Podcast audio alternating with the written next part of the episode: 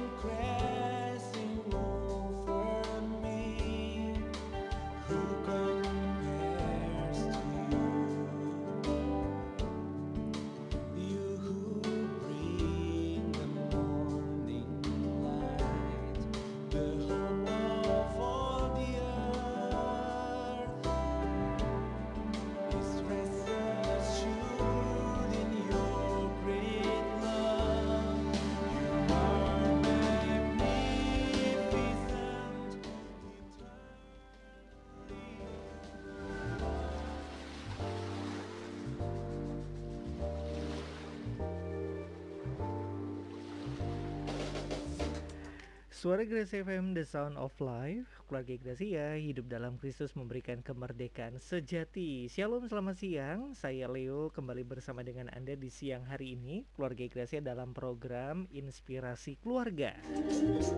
Khususnya di hari Sabtu keempat Keluarga Gracia kami hadirkan dengan eh, narasumber yang berbeda yaitu mengenai inspirasi kesehatan mental. Nah, keluarga Gracia siang hari ini bicara tentang mental bukan berarti sesuatu yang negatif ya. Kita perlu juga memperkuat mental kita juga dengan segala apa yang kita hadapi dan terutama eh, biasanya ini eh, topik yang akan kita bahas itu terjadi di kalangan anak remaja ataupun eh, dan bahkan tidak menutup kemungkinan itu terjadi juga di lingkungan rumah, di lingkungan terdekat. Keluarga Gracia selama program inspirasi keluarga ini untuk kesehatan mental Anda bisa bergabung di WhatsApp 0817222959 atau 205300 dan kita langsung menyapa narasumber kita di Zoom. Selamat siang. Halo, selamat Halo, siang. selamat siang. Wah, gimana kabarnya? Baik, luar biasa. Baik, puji Tuhan ya. Hari Sabtu eh, kita ngobrol-ngobrol lagi eh, bersama dengan Priska Klorinda SPSI, bener ya? Namanya belum berubah kan? Oke, ya keluarga Grazia, eh kita akan belajar tentang bullying, benar ya Priska ya? Betul sekali kalau Iya, bully Bulan lalu, gitu ya. ya, bulan lalu kan kita Hmm. belajarnya tentang mental health ya. Iya. Nah, ini sebenarnya termasuk juga nih Kaleo Hmm. ini. Iya, salah satu bagian yang memang eh jangan dianggap remeh gitu ya. Banget. Itu saling berkaitan. Saling berkaitan dan bahkan punya efek jangka panjang. Nah, keluarga Gracia, kita harus eh konsen untuk mendengarkan siang ini dan sebelum memulai mungkin Priska bisa memperkenalkan diri lagi eh, karena ini adalah pertemuan kedua ya dengan para pendengar. Jadi ada yang pastinya baru bergabung juga. Silakan Priska bisa memperkenalkan diri dulu. Oke, terima kasih Kaleo. Iya. Halo, selamat siang. Hmm? Keluarga Gracia semuanya, perkenalkan nama saya Priska. Eh, dengan adanya Zoom, jadi kita bisa bertemu ya. Gampang ya. datang, ya. saya itu berdomisili di Bandung nih, keluarga Hmm. kita semuanya. Dan eh, untuk kesempatan kali ini saya mau membagikan tentang bullying.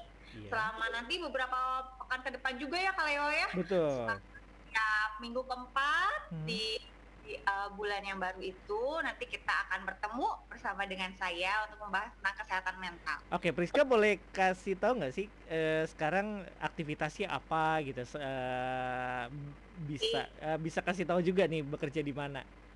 Boleh Boleh. Keluarga Gracia semuanya, eh, saya itu salah satu konselor di salah satu sekolah swasta yang ada di Mhm. Kota Bandung. Sudah kurang lebih 6 hampir 7 tahun eh, Hmm. menjabat sebagai konselor sekolah gitu. Oh, oke. Jadi memang bagian salah satu tenaga pendidik gitu ya, eh, di salah satu sekolah swasta ya. Untuk eh, ya namanya anak-anak sekolah kalau bicara tentang bullying sering kali apa ya itu Nah. jadi tradisi bener nggak sih? Ini relate banget Nge kayaknya ya. ngejek Eo. ngejek gitu ya. Kalau zaman-zaman Iya, dulu nggak iya. tahu nih kalau sekarang ya manggil nge- manggil temannya dengan pakai nama orang tua gitu ya. Kemudian dikasih julukan gitu. Kalau dulu zaman saya tuh kayak gitu tuh Oh Eo. sama juga ya. Jangan-jangan sekarang juga masih sama kali ya. Iya, ternyata gini kalau Heeh, kan kalau heeh. dulu kan kita eh, yang bullying-bullying gitu kan belum terlalu booming gitu Iya nggak kayak apa sih sekarang. gitu ya bully itu Iya. apa gitu ya. Bahkan nggak ada gitu ya kalau Hmm. zaman dulu kan apa gitu eh, Heeh. bullying tuh nggak kita kenalnya itu ngejek, Iya. menghina. Ah, Nah, gitu kita kenalnya. Kita Oke. mungkin langsung aja kali Langsung ya, aja, Eo. iya. Priska bisa menyampaikan eh, materinya. Eh, nanti setelah itu keluarga Gracia selama menyampaikan materi bisa bertanya ya di 0817222959 dan kita juga sedang live di Facebook. Jadi Anda bisa catat pertanyaannya kemudian kirimkan langsung ke WhatsApp chatting. Nanti eh, setelah Priska menyampaikan eh, materi, kita akan tanya jawab juga menyampaikan pertanyaan Anda. Silakan Priska. Oke, terima kasih Kak Leo. Ya, keluarga Gracia semua, di siang hari ini saya ingin membahas tentang bullying. Yang pertama itu apa sih sebenarnya bullying? Kan kalau kita mungkin eh, untuk beberapa orang yang aware atau sering membaca, mungkin tahu ya. Atau eh, keluarga Gracia juga beberapa waktu yang lalu ini kan sempat heboh berita tentang seorang anak yang akhirnya meninggal dunia Betul. karena diduga mengalami bullying gitu kan ya. Iya. Nah, sebenarnya bullying itu apa sih? Kenapa sih kok sampai pembahasan ini begitu penting untuk kita dengarkan dan begitu penting untuk kita simak tuh sebenarnya apa gitu ya.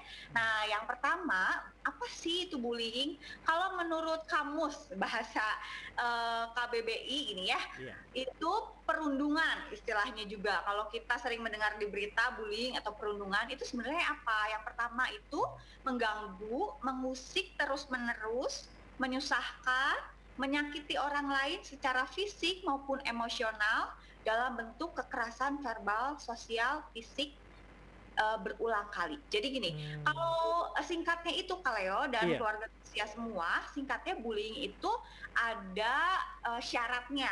Kenapa Hmm. itu disebut bullying gitu? Yang pertama itu menyakiti orang lain dengan sengaja. Jadi kata Ya. kuncinya adalah sengaja, kemudian kata kunci kedua adalah berulang kali atau terus menerus. Nah, Oke. gini, eh, kan ada juga kasus seperti ini ya, Kaleo dan Iya. keluarga Gracia semua. Eh, dia itu kita jauhi gitu. Karena loh dianya kok yang dalam tanda kutip gitu ada nih kejadian. Dia Hmm. nih yang jorok gitu dianya yang kayak menyebalkan. Jadi ya mau nggak mau kita tuh jauhi. Nah ternyata ada bedanya juga antara bullying versus hukuman sosial gitu jadi ini yang harus kita bedakan Iya, iya. Maka sih ini tuh sebenarnya perilaku seperti ini tuh benar-benar bullying atau hukuman sosial gitu. Iya. Jangan sampai kita karena mm, begitu hebohnya tentang bullying-bullying dikit-dikit aku dibully, aku dibully. Hmm. Benar enggak gitu ya kita Hmm. dibully. Nah, Iya, yang iya. harus diperhatikan juga beda nih antara bullying dengan hukuman sosial. Oke. Contoh kayak tadi, Iya. kayak tadi itu eh, kis- ada ceritaan juga gitu ya anak ini dijauhin di lingkungannya karena ya itu tadi dianya tuh jorok gitu terus Hmm. ulang kali dikasih tahu dianya tetap melakukan hal seperti itu gitu. Nah ini itu termasuk bukan termasuk bullying sebetulnya itu Oh. termasuknya hukuman sosial Hmm. gitu ya. Jadi Iya. memperlakukan orang lain kurang menyenangkan karena sebetulnya efek dari diri dia sendiri Hmm. gitu, Iya, Pak iya, Leo. iya, iya. gitu ya. Nah, tadi ya saya ulangin sedikit. Jadi kata kunci bullying itu yang pertama menyakiti orang lain dengan sengaja. Baik. Sengaja berulang kali atau terus-menerus. Tadi di awal Kaleo eh, bicara gitu ya di kata pengantar bahwa Hmm. bisa juga hal ini itu dilakukan oleh orang terdekat. Iya, betul banget Kaleo. Hmm.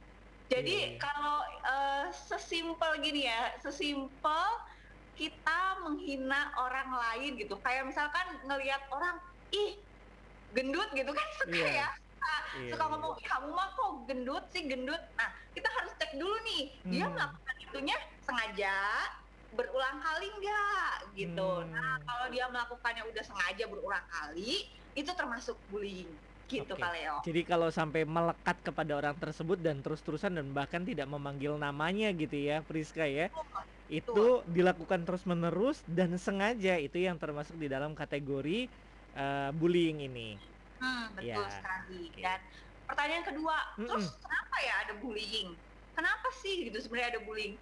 Sebenarnya ironisnya gini Kaleo, Iya. eh, bullying itu sederhananya terjadi karena ada friendship atau pertemanan. Oke. Jadi selama ada proses pertemanan, ya maka selama itu bullying itu ada gitu. Hmm. Ironis gitu ya. Jadi Iya, kita iya. Eh kalau mau dibilang bisa nggak dunia ini terbebas dari bullying, kayaknya itu hal yang sulit gitu. Baik. Tapi kita bisa meminimalkan untuk bullying ini tidak terlalu besar gitu ya efeknya. Nah, Hmm. jadi kenapa bisa ada bullying ya? Karena ada pertemanan gitu. Selama ada pertemanan, kita berelasi dengan orang lain, maka eh, bullying itu akan selalu bisa terjadi Oke. di lingkungan tersebut. Ironis juga ya Priska ya sebenarnya karena kan kita makhluk sosial sebenarnya ya. Butuh rela- butuh friendship gitu, butuh relationship dengan yang lain juga ya.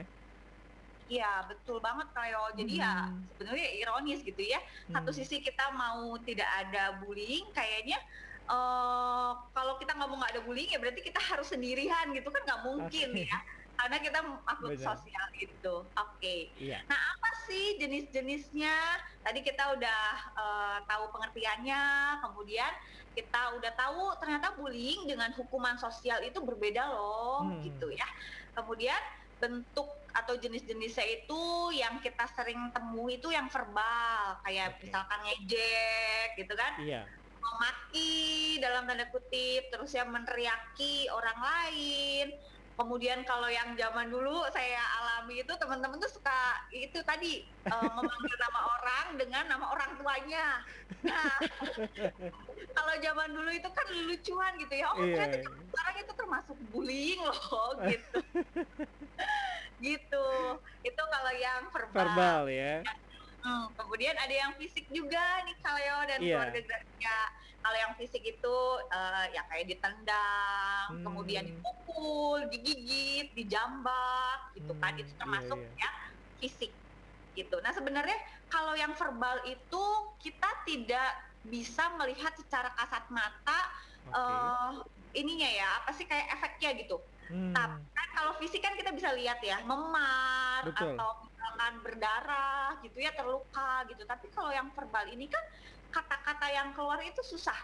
Terus juga eh, buktinya gitu ya kan kalau misalkan ya dia cuman berdua sama si orang itu pembuli dan korbannya itu, Hmm. nah kalau nggak ada orang lain nggak akan ada yang tahu gitu, nggak akan ada yang bisa eh, apa ya jadi barang bukti gitulah. Iya. Nah itu sih sebetulnya kalau yang verbal ironisnya gitu Kaleo. Hmm, karena memang kan lewat kata-kata gitu ya, beda dengan fisik. Betul.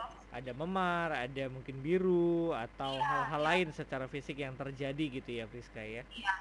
Oke, kita Kemudian- ulangin dulu sedikit mungkin bullying keluarga Gracia adalah eh, kalau bahasa aslinya eh, bu- bullying itu sama dengan perundungan ya. Jadi Perundungan, eh, ada dua dua dua intinya yaitu dengan sengaja melakukannya dan yang kedua adalah berulang secara terus-menerus keluarga Gracia dan bahkan perlu kita ketahui bahwa bullying itu berbeda dengan hukuman sosial keluarga Gracia. Jadi eh, itu harus kita mengerti dengan baik jangan sampai salah kaprah gitu ya mengaku bahwa dirinya dibully eh, dari teman-temannya dari rekan-rekannya ternyata sebenarnya karena faktor dari dalam diri orang tersebut sebenarnya itu adalah hukuman sosial ya.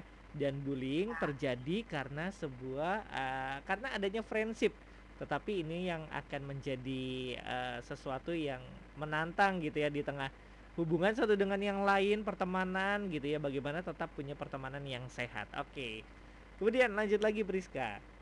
Ya tadi eh, kan kita udah jenis-jenisnya ada Jenis-jenis, verbal, ya. ada fisik. Yang terkenal juga nih ya Kaleo itu cyberbullying. Nah itu udah Oke. mulai sekarang tuh. Udah mulai kan orang-orang sering ya melaporkan ke polisi undang-undang ITE, undang-undang ITE. Nah, Hmm. itu salah satunya eh, yaitu cyberbullying itu. Hati-hati. Jadi makanya sekarang itu kan karena berkembangan zaman jauh lebih pesat, Iya. orang-orang punya banyak eh, sosial media gitu kan ya jadinya gampang sekali untuk mengomentari hal-hal yang eh, ya dia anggap "Ya ini perlu dikomentarin gitu jadi Iya, iya. makanya hati-hati gitu ya keluarga Gracia Iya. untuk hal ini. Dan bahkan memang kalau digital tuh tidak bisa hilang ya. Sebenarnya kalau kita tahu Oh. secara teknologi bahwa kalau di dunia digital tuh memang semua nggak bisa hilang keluarga Gracia. Jadi perlu bijak ketika kita memang eh, berada di dunia digital untuk mengomentari atau menulis sesuatu ya. Iya betul banget Kaleo kan Hmm. karena sekarang gini pikirnya oh udah kok chatnya udah langsung saya delete lah Hmm. ternyata bisa loh kita pulihin kembali chat yang sudah di delete atau ternyata komen kita sudah di capture screen oleh orang lain wah Iya. sudah nah itu juga eh, hal-hal yang perlu kita pikirkan dampaknya sebelum kita melakukan sesuatu gitu sebelum kita mengomentari sesuatu Hmm. gitu. Selain tadi ya dampaknya itu kan bisa ke jalur hukum kalau Iya. yang eh, sangat parah gitu ya kalau Hmm. ya. Hmm. Ada juga dampak-dampak yang menyangkut kesehatan mental seperti yang kita bahas pada bulan lalu nih keluarga Oh, Gracia. oke. Jadi korban bullying itu sebetulnya kalau ya antara Hmm. korban dan pelaku itu sebetulnya sama-sama orang yang memerlukan pertolongan sih sebetulnya Dua-duanya ya. dua-duanya Oke. betul. Jadi dia kenapa dia bisa menyakiti orang lain dengan kata-katanya atau dengan tingkah lakunya gitu ya sebetulnya kan orang tersebut butuh pertolongan secara Hmm. psikologis. Hmm. Kemudian orang yang disakiti pun itu perlu pertolongan juga karena dia sudah mungkin ya mungkin sampai eh, tidak percaya diri, kemudian mudah marah dampaknya, frustrasi, kesepian gitu ya, depresi, bahkan eh, ada yang menyakiti diri sendiri gitu Kaleo. Hmm. Terus eh, yang seperti tadi ya kasus yang waktu beberapa waktu lalu yang sudah terkenal itu sampai bunuh diri gitu. Jadi hati-hati sih keluarga Gracia karena dampaknya tuh sangat panjang, tidak Iya. cuma sekedar kadang gini ya kita Iya. cuma kamu mah baper, cuman kayak gitu aja gitu ya. Cuman kata-kata kayak gitu aja kok kamu mah tersinggung gitu kan Iya. Kita nggak bisa mengecilkan dampak dari mm, apa yang sudah diperbuat oleh orang lain gitu karena kan Iya. setiap pribadi itu berbeda-beda apa yang kita ucapkan atau kita lakukan ditangkap orang lain tuh sangat berbeda karena Hmm. backgroundnya kan beda-beda gitu ya Kaleo Iya, betul. jadi, eh, eh, jadi kita nggak bisa bilang kalau ah cuman kayak gitu gitu Hmm, nganggep enteng banget gitu ya. Eh, eh, betul. Kita nggak bisa nganggap enteng hal seperti itu. Iya, iya. Ayo, jadi eh, hati-hati aja. Kalau misalkan nih keluarga Gracia punya anak yang lagi sekolah atau yang sudah bekerja tiba-tiba eh, sikapnya berubah gitu ya jangan didiamkan. Hmm. atau misalkan tiba-tiba berat badannya turun secara drastis atau makan terlalu berlebihan secara drastis gitu yang tadinya normal-normal aja gitu ya Iya. Nah, jangan dianggap uh, enteng gitu uh, keluarga Gracia. Kita harus cek, harus lebih aware juga, Hmm. hati-hati gitu. Oke, jadi eh, itu yang secara garis besar ya Priska ya kita harus ketahui mengenai bullying ya, yang mungkin eh, ini istilah yang memang sebenarnya tidak tidak baru juga, tetapi eh, sekarang kita lebih kenal dengan istilah perundungan keluarga Gracia, itu yang harus kita pahami. Nah, Priska, bicara tentang bullying gitu ya, bagaimana sih sebenarnya mendeteksi awal dari bullying? Mm-mm. Oke. Nah, eh, yang tadi ya, Hmm. kalau kita bisa, yang sebagai orang tua gitu, kita bisa lihat nih, oh kok anaknya tiba-tiba nilai akademiknya atau prestasi akademik atau kerjanya kok tiba-tiba menurun ya? Kok Hmm. nilainya jadi menurun? Atau tiap mau sekolah nangis nih anak gitu ya? Iya, iya. Kemudian kan ada beberapa anak yang dia tidak berani untuk cerita dengan Hmm. orang tuanya gitu. Nah ini juga eh, bisa disiasati orang tua bisa lapor ke guru gitu, bisa Hmm. bisa minta tolong guru untuk tanyakan gitu kan, atau ada figur signifikan siapa yang deket dengan si anak. Jadi bisa minta tolong, coba dong tolong tanyain kenapa ya kok anak saya jadi jadi pendiam gitu. Kok anak saya yang tadinya ceria jadinya gampang nangis, gampang tersinggung. Ini salah satu eh, apa ya? Salah satu hal yang kita bisa lihat secara kasat mata gitu Kaleo. Kemudian Hmm. juga eh, bisa juga kalau ke teman-teman kita yang dekat gitu ya Iya. eh, udah kelihatan mulai-mulai berbeda. Nah, coba kita tanya sebagai teman atau sebagai sahabat, gitu kita bisa tanya kepada mereka. Oke, kalau itu kan terjadi mungkin eh, di sekolah gitu ya, kalau yang kita bahas. Bisa nggak Briska, ini terjadi di kalangan misalnya karyawan, kantor gitu ya. Sebenarnya kalau kasus bully ini banyaknya terjadi di area mana sih? Di usia berapa? Atau hanya sekedar di sekolah?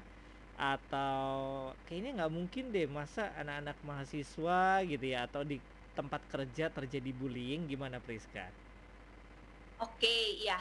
Nah, bisa banget kalau Oh, bisa jadi ya? itu bahkan bisa terjadi di eh, lingkungan gereja atau gitu? bahkan di lingkungan keluarga itu tuh sangat bisa terjadi sesimpel Hmm. itu gitu. Kalau Hmm. di lingkungan kerja itu kan kita suka eh, tahu ya kalau misalkan ada pegawai yang baru. Nah, Iya. mulai itu mulai tidak di semua tempat memang, Hmm. tapi ada beberapa tempat kerja yang dia itu figur otoritas dan figur bawahannya terlalu menonjol gitu ya kalau Iya, ya. Jadi iya. jadi benar-benar menindas dalam tanda kutip pada si bawahan ini gitu Hmm. Kaleo. Iya, Jadi bisa memang terjadi ya berarti ya di nggak cuma di kalangan anak-anak sekolah ya.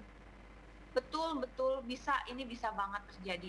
Dan yang sering juga gini Kaleo, Hmm. ketika kita melihat orang lain yang dibully dalam tanda kutip gitu ya, Hmm. eh, ini sudah terjadi berulang kali, kemudian dengan sengaja kita itu orang yang melihatnya lebih memilih untuk diam biasanya, Hmm. karena Iya. karena takut eh, kita itu dibully gitu. Jadi Justru kita nantinya bisa ke kita gitu ya Priska ya.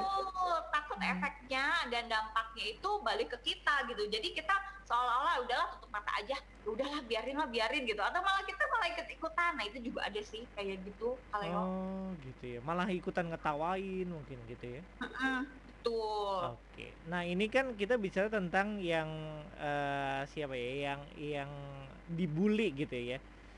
Kita sekarang ke pelaku. Nah, untuk bicara pelaku nih ya, pelaku yang suka membuli, suka melakukan sesuatu yang ya memang sebenarnya kan tidak baik gitu ya. Biasanya katanya gitu ya Priska. Ini pa- pasti faktor orang tua, pasti faktor broken home, katanya seperti itu. Apakah iya itu jadi salah satu faktor utama? Hmm, sebenarnya ketika kita membicarakan tentang kesehatan mental atau salah satunya tentang bullying itu Hmm. nggak bisa kita bilang oh itu pasti gara-gara ini gitu ya atau Iya, oh itu pasti soalnya gara-gara orang tua," gitu soalnya kan. biasanya gitu ya Priska ya. Pasti anak yang ngebully eh, yang yang membuli itu pasti dari orang tuanya begini dan begitu gitu ya. Soalnya mereka kurang kasih sayang, kurang perhatian. Itu yang kadang-kadang sering kita dengar. Eh, eh, iya betul betul itu juga memang sih sering eh, Hmm. sering saya alamin juga gitu ketika jadi konselor sekolah gitu ya. Ini anak kok suka ngejek-ejek, ah Hmm. coba cek dulu gitu ya langsung orang tuanya.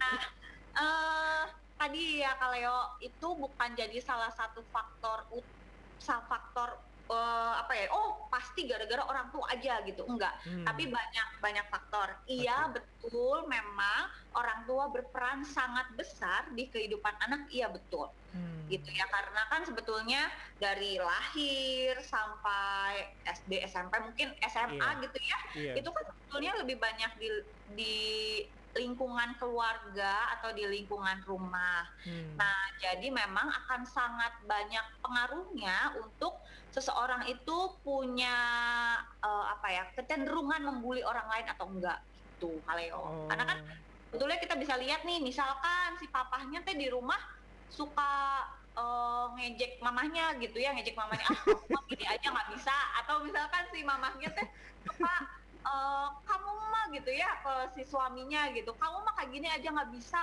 atau kamu mah ya ngomong kasar gitu. Nah, Ah, itu hal-hal seperti itu ya dilihat dari anak dari kecil gitu. Ada juga kasus gini Kaleo. Gimana?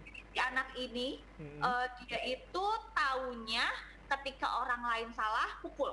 Karena di rumahnya ketika mamahnya salah, papanya langsung mukul gitu. Hmm. Jadi yang dia tahu itu anak ini ketika ada orang lain salah ya ya harus saya mukul gitu ya.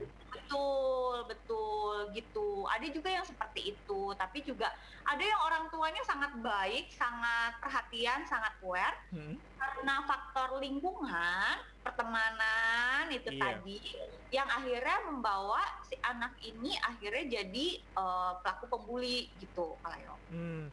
Oke, Priska, kalau kita lihat eh, berita gitu ya, berita-berita yang beredar, agak serem gitu ya, mengerikan ketika memang eh, banyak anak-anak yang berani melakukan sesuatu tindakan kekerasan kepada orang tua ataupun sebaliknya. Keluarga bukan menjadi sesuatu wadah yang eh, menunjukkan kasih lagi gitu. Baik, tadi kan ada verbal, ada fisik, ada cyberbullying ya jenis-jenisnya. Nah, Nah, kenapa sih kok bisa terjadi di dalam kehidupan rumah tangga? Kenapa bisa terjadi di lingkungan keluarga? Padahal ketika mungkin eh, papa dan mama ya tentunya harusnya mengasihi anak-anaknya gitu. Ataupun anak-anak harusnya tunduk kepada ayah atau ibunya. Ternyata tidak terjadi seperti apa yang mungkin firman Tuhan juga ajarkan.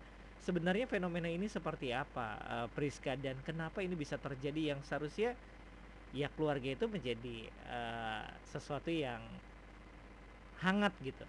harmonis gitu ya Mm, kalau ya mm, mm. jadi eh, apa ya sesuatu yang menyenangkan Iya, gitu kan tapi iya. sekarang malah banyak anak-anak yang sangat tidak betah di rumah lebih Hmm. memilih untuk di luar gitu kan Iya, daripada di rumah ya Betul. Betul banget sebetulnya kalau kalau kita bicara tentang keluarga tentang kehidupan kita masing-masing itu sebenarnya seperti fenomena gunung es gitu Hmm, keluarga Gracia. Jadi apa yang terlihat di permukaan itu hanya sedikit.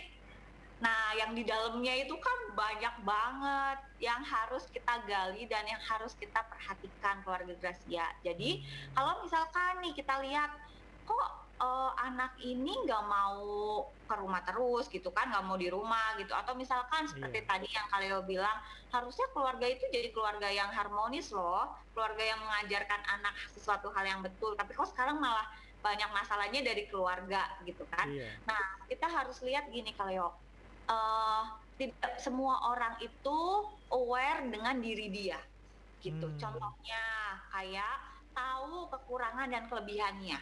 Tidak Hmm. cuma sekedar tahu saja, tapi dia bisa mengolah apa sih kele- kekurangannya itu bisa disiasati dengan hal apa, Hmm, atau kelebihannya itu bisa dia pakai untuk hal apa gitu. Nah, nggak banyak orang tuh seperti itu Kaleo. Kemudian tidak banyak orang tua juga yang mengajarkan anaknya tentang bisa mengatur emosinya dengan baik. Hmm, Emosi itu bukan hanya marah gitu ya.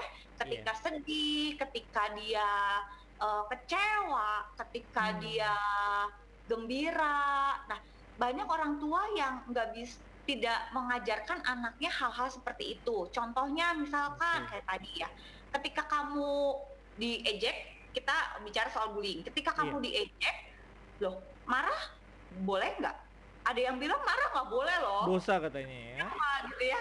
Nah, kata siapa marah nggak boleh.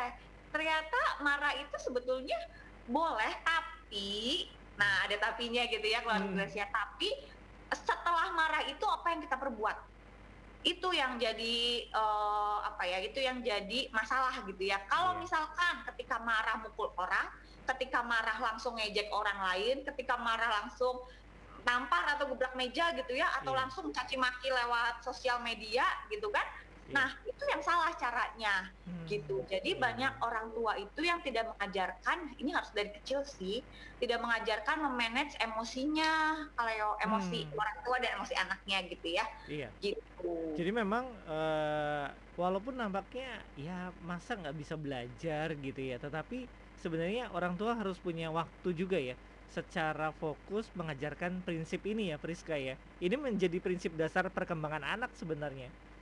Betul betul Kaleo. Kemudian Hmm. juga ini sih Kaleo, kalau yang Hmm. saya perhatikan adalah Hmm, orang tua itu eh, memang susah sih ya jadi orang Iya. tua gitu kan tapi ya kita harus semakin belajar semakin belajar lagi ya keluarga Gracia Iya. semuanya nah orang tua itu gini Kaleo Iya. banyak yang dia bilang saya udah komunikasi dengan anak tapi ternyata bukan komunikasi yang dilakukan itu cuman sekedar informasi yang diberikan. Contoh Hmm. misalkan Iya, kamu udah iya. makan belum? Kamu udah belajar belum? Kamu udah ada PR nggak? Kerjain PR-nya titik.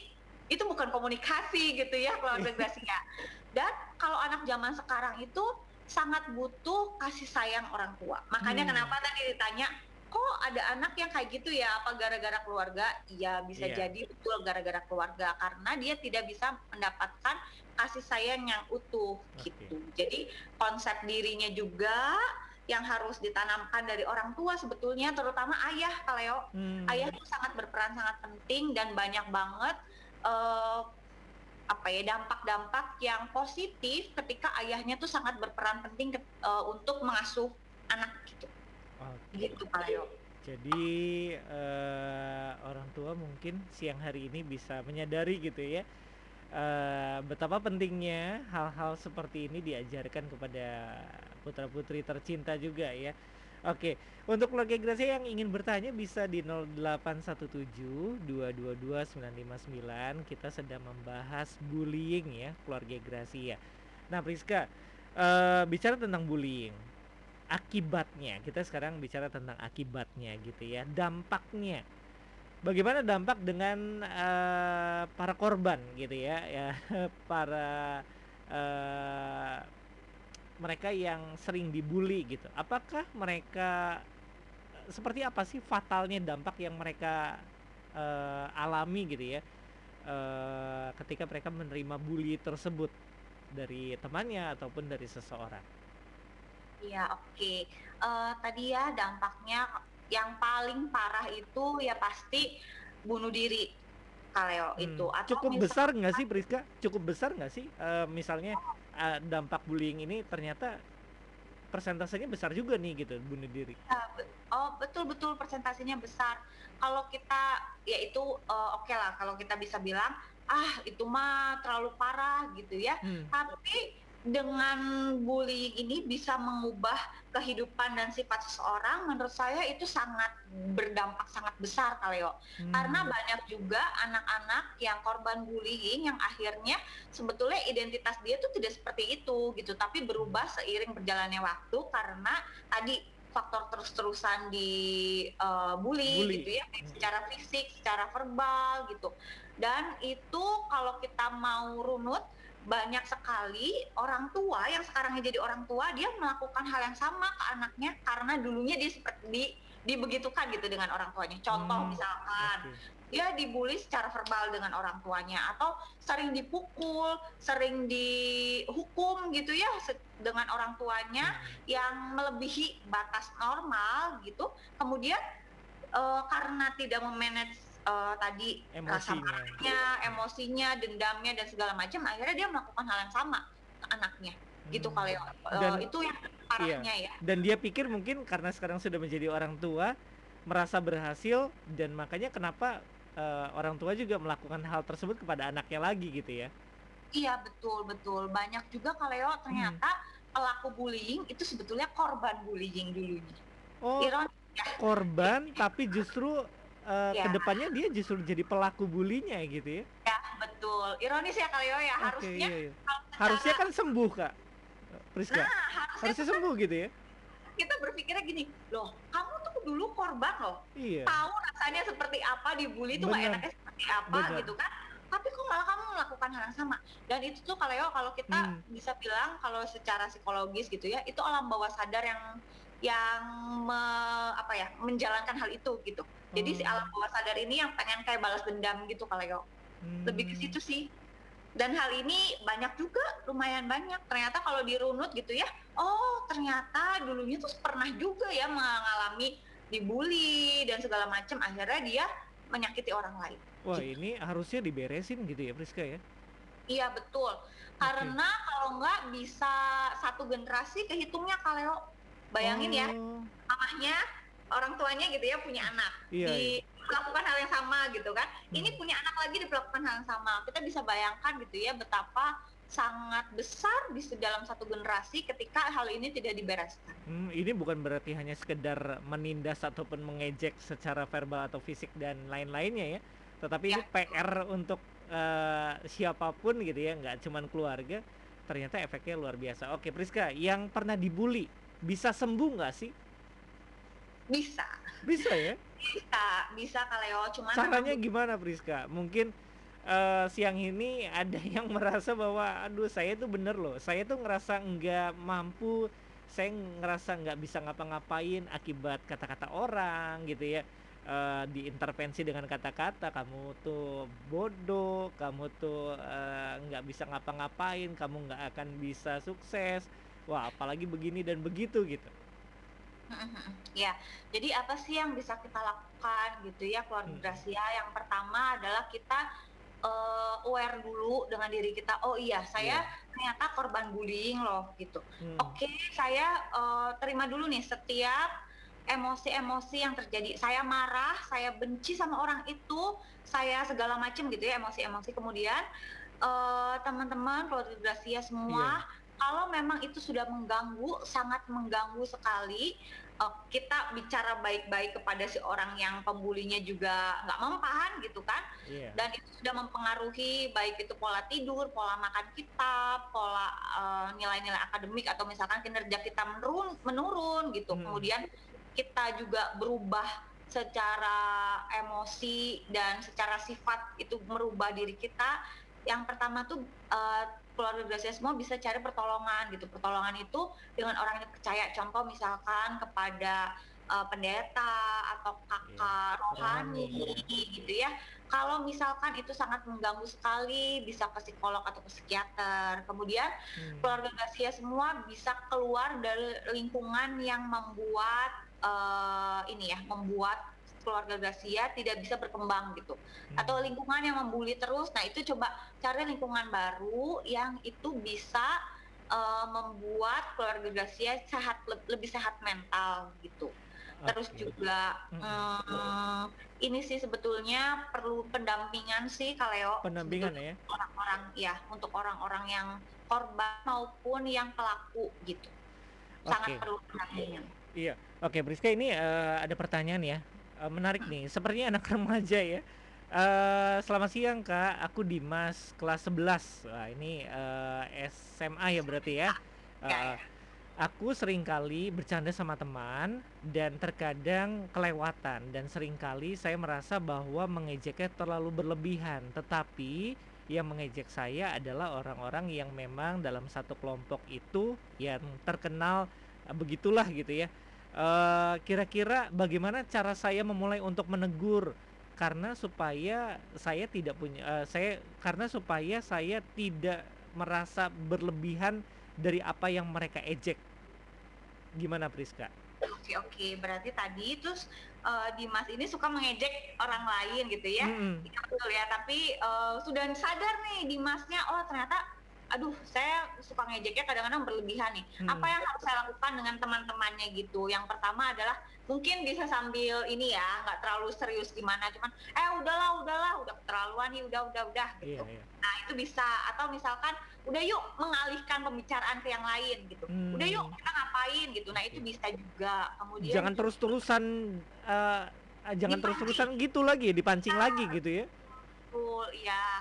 Nah, eh kit- sebetulnya puji Tuhan ya, Dimas Hmm. udah aware banget nih. Saya Hmm. saya udah keterlaluan karena gini Dimas, apa yang kita bicarakan itu kan ke orang lain, mungkin ya orang lain itunya hahi hahi gitu kan. Ketawa-ketawa ya, lucu gitu ya. Ketawa. Heeh, bener, tapi kita Hmm. nggak tahu loh di rumahnya dia seperti apa gitu. Kita nggak tahu proses dia dari rumah ke sekolah itu seperti Iya. apa gitu. Benar. Jangan sampai kita yang jadi apa ya satu titik eh, jadi membuat orang lain itu berubah atau orang lain itu kena sesuatu hal yang kurang mengenakan karena diri kita. Gitu sih Dimas yang Hmm. ya yang penting banget. Contoh misalkan gini deh, Oke. singkatnya gini. Iya. Satu kali eh jadi si anak ini itu dia nggak tahu kalau ternyata ada masalah di keluarganya si A Iya. gitu ya. Kemudian diejek nih, diejek di sekolah segala macam. Akhirnya akhirnya si A ini sampai eh, kalau untuk anak SMA dan SMP itu zaman sekarang udah marak banget yang menyakiti diri sendiri dengan disilet Kaleo Iya. dengan disilet. Nah itu ya sampai akhirnya dia itu eh, menyiletkan diri itu di salah satu tempat kemudian akhirnya karena terlalu dalam dia siletnya akhirnya dia meninggal gitu dan setelah ditelusurin ya si orang yang membuli ini ya merasa bersalah gitu kan Iya. karena kan secara nggak langsung wah ya karena dia ngejek-ngejek ternyata kan di keluarganya ada hal yang Sensitif gitu ya. sensitif betul ya Hmm. sensitif itu sih Kaleo Hmm, oke. Satu lagi Nah. Priska sebelum kita closing ya. Saya Ya. salah satu ayah yang memiliki anak remaja. Kalau saya mau nanya, sering kali anak saya mendapatkan perlakuan mengenai ekonomi. Jadi mungkin diejek Hmm. mengenai keberadaan ekonomi Ya. orang tuanya gitu ya. Ada banyak yang diceritakan bahwa ketika ada hal-hal yang harus dikeluarkan tetapi kami tidak mampu. Kira-kira bagaimana menasehatin anak saya supaya eh, anak saya akan tetap memiliki teman-teman yang baik. Terima kasih. Oke. terima kasih nah ini juga penting buat orang tua keluarga Gracia semua bahwa menanamkan konsep diri yang positif ke anak kayak Hmm, misalnya gini eh nak banyak juga loh orang yang secara tanda kutip gitu ya kurang Iya. mampu tapi ternyata dia sukses. Kesuksesan itu dan diri kamu itu tidak ditentukan dengan jumlah uang. Nah itu hal-hal yang orang tua tuh harus terus tanamin gitu. Nah kamu tuh berharga loh. Papa mama sayang kamu loh.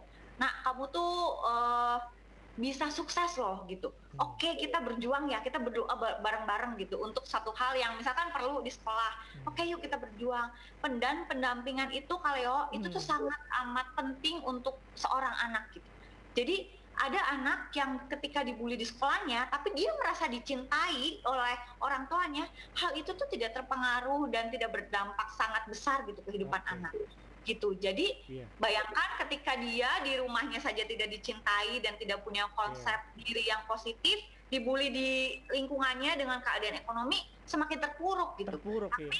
Iya, tapi ketika si orang tuanya itu sebagai eh, dasar keluarga dan dasar kehidupan seorang anak ini bisa untuk bertumbuh di lingkungan gitu, dianya sudah punya dasar yang mateng gitu ya dengan Hmm. orang tua yang oh iya saya punya orang tua yang mencintai saya loh, Hmm, saya itu anak yang dihargai loh, hmm, saya itu anak yang berharga loh, papa mama sayang saya dan itu yang membuat seseorang itu bisa tetap teguh gitu walaupun eh, ada orang-orang lain yang dalam tanda kutip membuli gitu sih kalau Oke. Sepertinya satu pertanyaan lagi ya, Priska. Bagaimana cara mengampuni ketika ternyata yang membuli itu orang terdekat atau keluarga? Ya. Ini poin penting sepertinya ya. Iya betul. Ini eh, saya tidak bilang hal ini itu mudah. Saya bisa bilang hal ini tuh susah. Bahkan ada beberapa orang yang sampai seumur hidupnya dia dia harus berjuang untuk mengampuni gitu.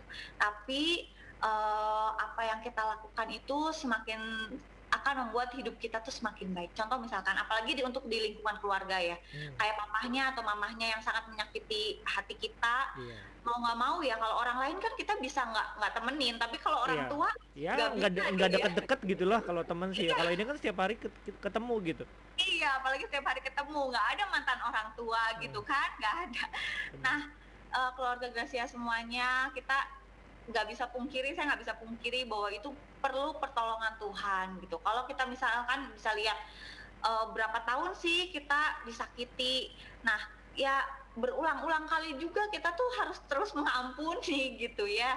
Jadi memang nggak bisa instan. Kalau kita bilang hari ini kita minta ya udahlah saya ampuni saya ampuni besok menyakiti lagi ya saya ampuni lagi gitu kan Hmm, nggak bisa tiba-tiba langsung wah eh, apa ya rasa bencinya atau rasa kecewanya itu tiba-tiba hilang gitu kan. Hmm, nah jadi memang itu proses Kaleo. Tapi oke. saya yakin gini Kaleo Iya. ketika hal itu kita nggak bisa milih orang tua ya. Kita juga nggak bisa milih kan melahirkan anaknya seperti apa gitu Hmm, ya. hmm, tapi ketika kita punya orang tua dan punya anak yang sudah Tuhan kasih sebagai sebagai gift sebagai berkat itu pasti ada hal yang Tuhan mau kita jadi berkat untuk orang lain. Contoh misalkan ketika kita disakiti sama orang lain sama orang tua atau orang terde- terdekat dan kita bisa pelan-pelan menyembuhkan eh nanti kita bisa jadi berkat lagi loh untuk menyelamatkan gitu kan orang lain yang punya hal yang sama gitu hmm. kejadian yang sama. Kan kalau ceritanya kasusnya sama iya ya sama ya. Nah kitanya udah bisa eh, pelan-pelan sedikit eh, mengampuni atau sehat gitu ya secara mental kita bisa nolong dia ini Hmm. loh kita bisa mendampingi dia gitu lah ya walaupun ya mungkin caranya juga eh, mungkin nggak bisa sama persis tapi kita bisa mendampingi dia gitu sih untuk orang yang bertanya ini mm, tetap semangat banyak orang yang sayang sama kamu dan banyak orang yang perlu cerita kamu ketika kamu udah sembuh gitu kali ya. Rasanya luar biasa ya.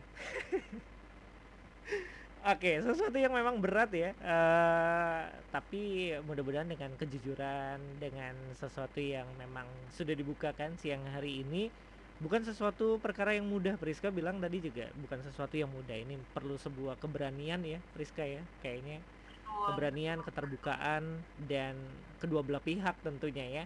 Dan biar bagaimanapun eh keluarga Gracia kita punya Tuhan yang kasihnya itu melingkupi setiap kita. Jadi siang hari ini eh Priska bisa kasih closing statement mengenai bullying supaya kita bisa kembali mengingat gitu ya bahwa bullying ini bukan sesuatu yang ringan tetapi sesuatu yang berat dampaknya besar keluarga Gracia dan bahkan ada beberapa hal kasusnya itu punya efek sampai mereka melakukan bunuh diri. Jadi pastikan generasi yang ada kita selamatkan dengan kita tidak melakukan bullying. Silakan Rizka, mungkin closing statement. Oke, terima kasih Kak. Keluarga Gracia semua, apa pun yang sedang keluarga Gracia alami saat ini, percaya bahwa kalian tidak sendiri. Amin. Kalian tidak sendiri dan banyak orang yang mau menolong kalian gitu. Kalau memang sudah benar-benar nggak sanggup dan nggak mampu, cari pertolongan ke orang lain yang kalian percayai. Percayalah Tuhan akan menolong setiap kita dan apa yang terjadi dalam hidup kita itu Tuhan pakai untuk bisa jadi berkat untuk orang lain. Oke. Jadi apa pun yang kita lakukan dan kita bicarakan atau apa pun yang kita pikirkan, biarlah itu jadi berkat untuk orang lain. Terima kasih Kak Leo. Oke, jadi hati-hati ya keluarga Gracia siang hari ini kita belajar untuk berhati-hati dalam bicara ya, baik itu untuk orang lain ataupun mungkin justru untuk orang terdekat di sekitar kita.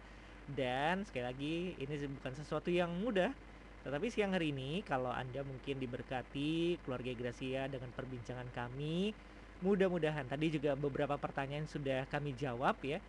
Mudah-mudahan setelah ini ada sebuah perubahan kehidupan, ada sesuatu yang eh, rasanya akan menyiram gitu ya, amarah, dendam, kesel atau kekecewaan dan digantikan dengan kasih Tuhan.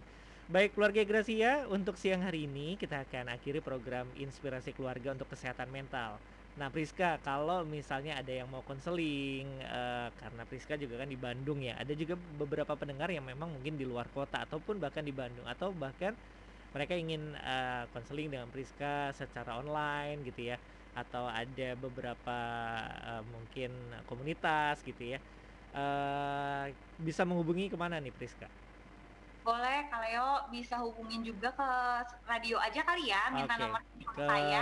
radio aja ya berarti ya. Nanti eh, kita akan kasih informasinya untuk Anda semua. Priska terima kasih ini eh, materinya luar biasa ya siang hari ini. Eh, kita ketemu lagi di Sabtu minggu keempat bulan depan ya. Eh, bulan depan kita akan bahas apa ya? Saya lupa. Iya, saya juga apa ya bulan depan ya. Oke, kayak kalau kayak gitu. gitu kita nggak usah kasih tahu aja ya, karena lupa ya. biar surprise gitu ya. Oh, kalau nggak salah body shaming deh kalau nggak salah. Ini juga Oh, gi- termasuk oh, gitu ya? bullying juga nih. ya, nah nanti eh, keluarga Gracia bisa pantau aja nih ya Instagramnya Radio, Radio Suara ya. Supaya tahu ya. Oke, eh, oh iya benar. Eh, temanya itu ya untuk bulan depan ya. Baik, Priska terima kasih Tuhan memberkati selalu. Kapan-kapan kalau pulang bisa langsung live ya di Suara Gracia ya. Ya. Salam oke. buat keluarga. Oke, kasih. keluarga Gracia. Ya, untuk siang hari ini tuntas sudah kebersamaan saya dan sekali lagi biarlah kita bijak dalam berkata-kata ya untuk kaula muda Gracia juga bukan sesuatu yang memang eh, perlu proses, perlu belajar ya agar perkataan kita boleh menjadi berkat dan tidak menjadi sesuatu yang bumerang untuk diri kita. Saya Leo pamit undur diri, keluarga Gracia selamat siang, selamat berakhir pekan, Tuhan memberkati.